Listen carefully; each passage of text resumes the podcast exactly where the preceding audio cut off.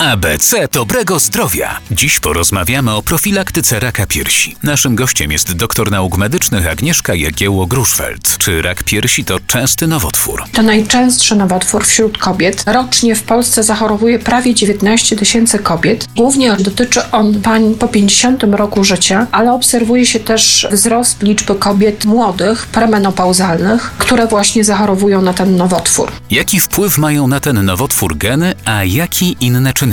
Predyspozycje do zachorowania na raka piersi można odziedziczyć w rodzinie. Są to tak zwane uwarunkowania genetyczne. Taką najczęstszą mutacją, która jest mutacja w genach BRCA1 i BRCA2, ale jest szereg innych genów, które mogą predysponować do zachorowania. Takim podstawowym czynnikiem, który wpływa na zachorowanie na raka piersi, mają predyspozycje związane z trybem życia. Częściej chorują kobiety z otyłością, mało aktywnie fizycznie, które albo w ogóle nie rodziły dzieci albo mają jedno dziecko. Ważny jest też e, moment urodzenia tego dziecka. Im później, tym częściej może zachorować na raka piersi. Dziękuję za rozmowę. ABC dobrego zdrowia. Dziś porozmawiamy o profilaktyce raka piersi. Naszym gościem jest doktor nauk medycznych Agnieszka Jagiełło-Gruszfeld. Jakie badania przesiewowe powinna wykonać kobieta? Te badania mogą e, polegać na samobadaniu piersi, bo to jest też e, swego rodzaju badanie przesiewowe.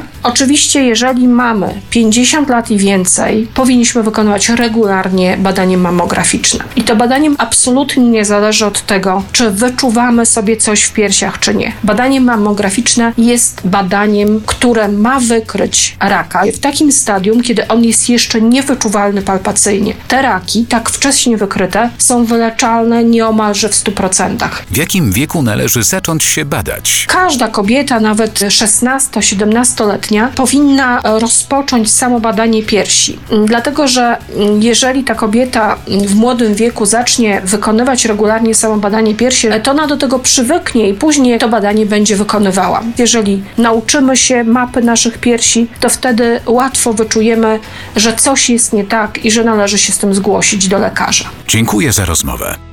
ABC dobrego zdrowia. Dziś porozmawiamy o profilaktyce raka piersi. Naszym gościem jest doktor nauk medycznych Agnieszka Jagiełło-Gruszfeld. Jakie objawy mogą wskazywać na nowotwór? Objawy, które mogą wskazywać na raka piersi, to przede wszystkim guzek w piersi. Również powinny nas zaniepokoić takie kwestie jak wciągnięcie brodawki sutkowej, krwisty wyciek z tej brodawki, guzki w dole pachowym, które mogą być powiększonymi węzłami chłonnymi, zaczerwienienie skóry piersi, pogrubienie tej skóry, obrzęk tej skóry, takie wciąganie skóry, czyli generalnie no, nierówny zarys piersi, także jakieś bóle piersi, podrażnienie skóry, owrzodzenia, poszerzenie żył na piersiach. To wszystko może być pośrednim objawem właśnie raka piersi, więc powinniśmy na takie objawy zwracać szczególną uwagę. Czyli nie tylko badamy, dotykamy tych piersi, ale również je oglądamy, bo również obraz skóry może nas, czy też powinien nas zaniepokoić. Czy rak piersi jest nowotworem uleczalnym? Jeżeli wykryjemy raka piersi we wczesnym stadium, to to jest nowotwór uleczalny praktycznie w 100%.